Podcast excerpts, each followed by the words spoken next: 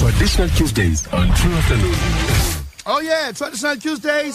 Siya kuba Eh, kuwo lo muthetha imali lelo. Oh okay, kuthena umgibele ngazocela imali bawutyatheka nje.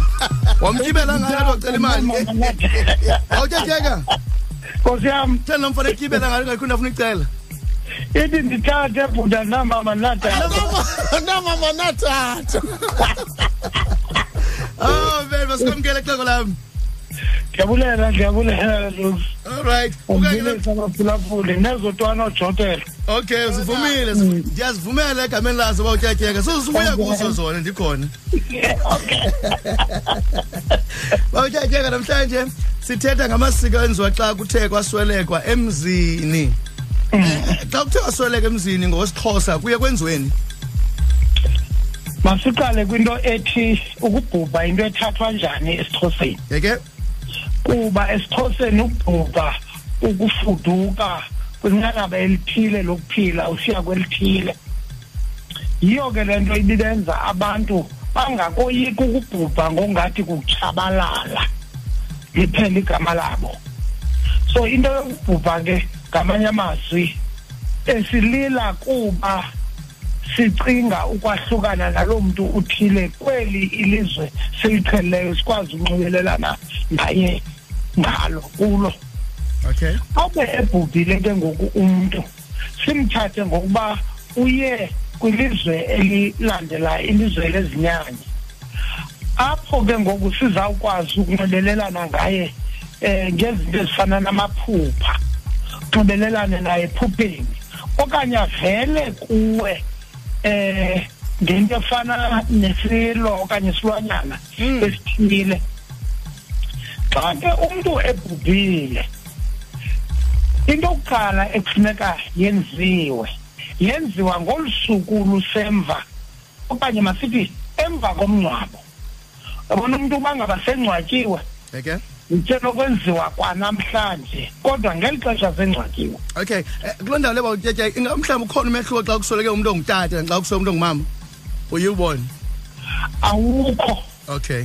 awukho kwezinye izinto ukhona ke kwezinye masenje nje ke awubebhubhile umuntu ngolusuku lusemveni kokuba okanye emvani kokuba engcwatyiwe kufuneka komulwe Mm. abanye ke bazawuthi ukuseza amanzi Amanzi. Yeah. laa nto ke yokuseza amanzi ubuyaqaphela xa kuthiwa xola entweni Mm. Kuthe sela amanzi uxole Okay. ngamanye amazwi yindlela yokuxolisa abantu into nayo ke ingengomanzi literally Mm. into e- ezawuhlamba loo meko yaloo nkwaleko Mm.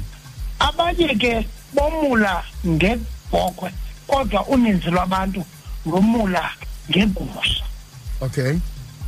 Emva koko ke mhlawumbi emva kweveki ezintathu okanye ezine kuthiwe kwenziwa ipeki Benisiza kanye into kwenxa uvasa ibhegi yona inini kanti kanye yenziwa Neke. xa kutheni?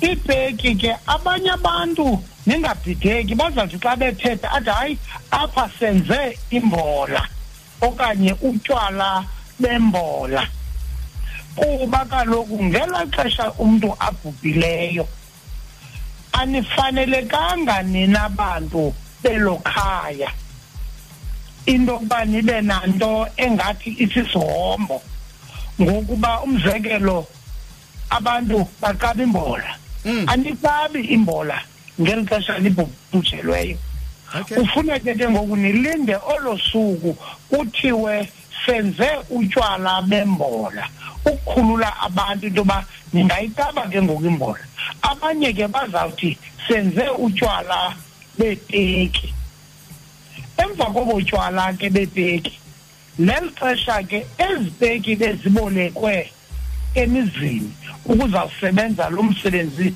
wokungcwaba lo mntu wethu zinelungelo ke ngoku lokuba zingagoduswa bazawufika bazithathe ke abantu bazo bagoduke nazo Eh babo bawutyatheka. baqale ke Oh. Eh umhlawumbi uyawuthi omnye ama sisedolophini thina eh akhange siboleke izibheki zizwe nabangcwabi. Kuthiwa icase enjalo ipeki ayikokuba kuhlanjwa lo mhlakulo kuphela eh. Noma ndisitsho ndisithi kukhululwa abantu. Yaqonda umntu xa ebhushelwe okokuqala akahambi. Okay. Akanawuya nasesisuseni nokuba ngaba asidanga kuye. Xa ke ngoku sekwenziwe elinqanaba sithi butywala bepeki okanye butywala bembola. Bayakhululwa ke ngoku abantu belikhaya kude kuthiwe xa kuthethwa nabo ningahamba ke ngoku siyanikhulula niyokucela iswekile nakwammelwane niyokucela ityiwa nakwammelwane. Ngamanye amazwi ngoku niyakhululeka into yoba ningahamba niye kwiindawo ezinezisusa. So nokuba ngaba ke umntu usedolophini noba usefama noba usezilalini ufumana elo thuba loba ngoku ndivumelekile into yokuba ndingakwazi ukudibana nabantu abangabanye. Awutyatyeka ngenxa yexesha xhoko lam icacile ukuthi siyive kakuhle eh siyabulela kakhulu ixesha lakho xhoko lam. Ndiyabulela lofi Nkosi kakuba utyatyeka ndibulela kakhulu. True afternoon, Monday to Friday, 3 to 6 p.m.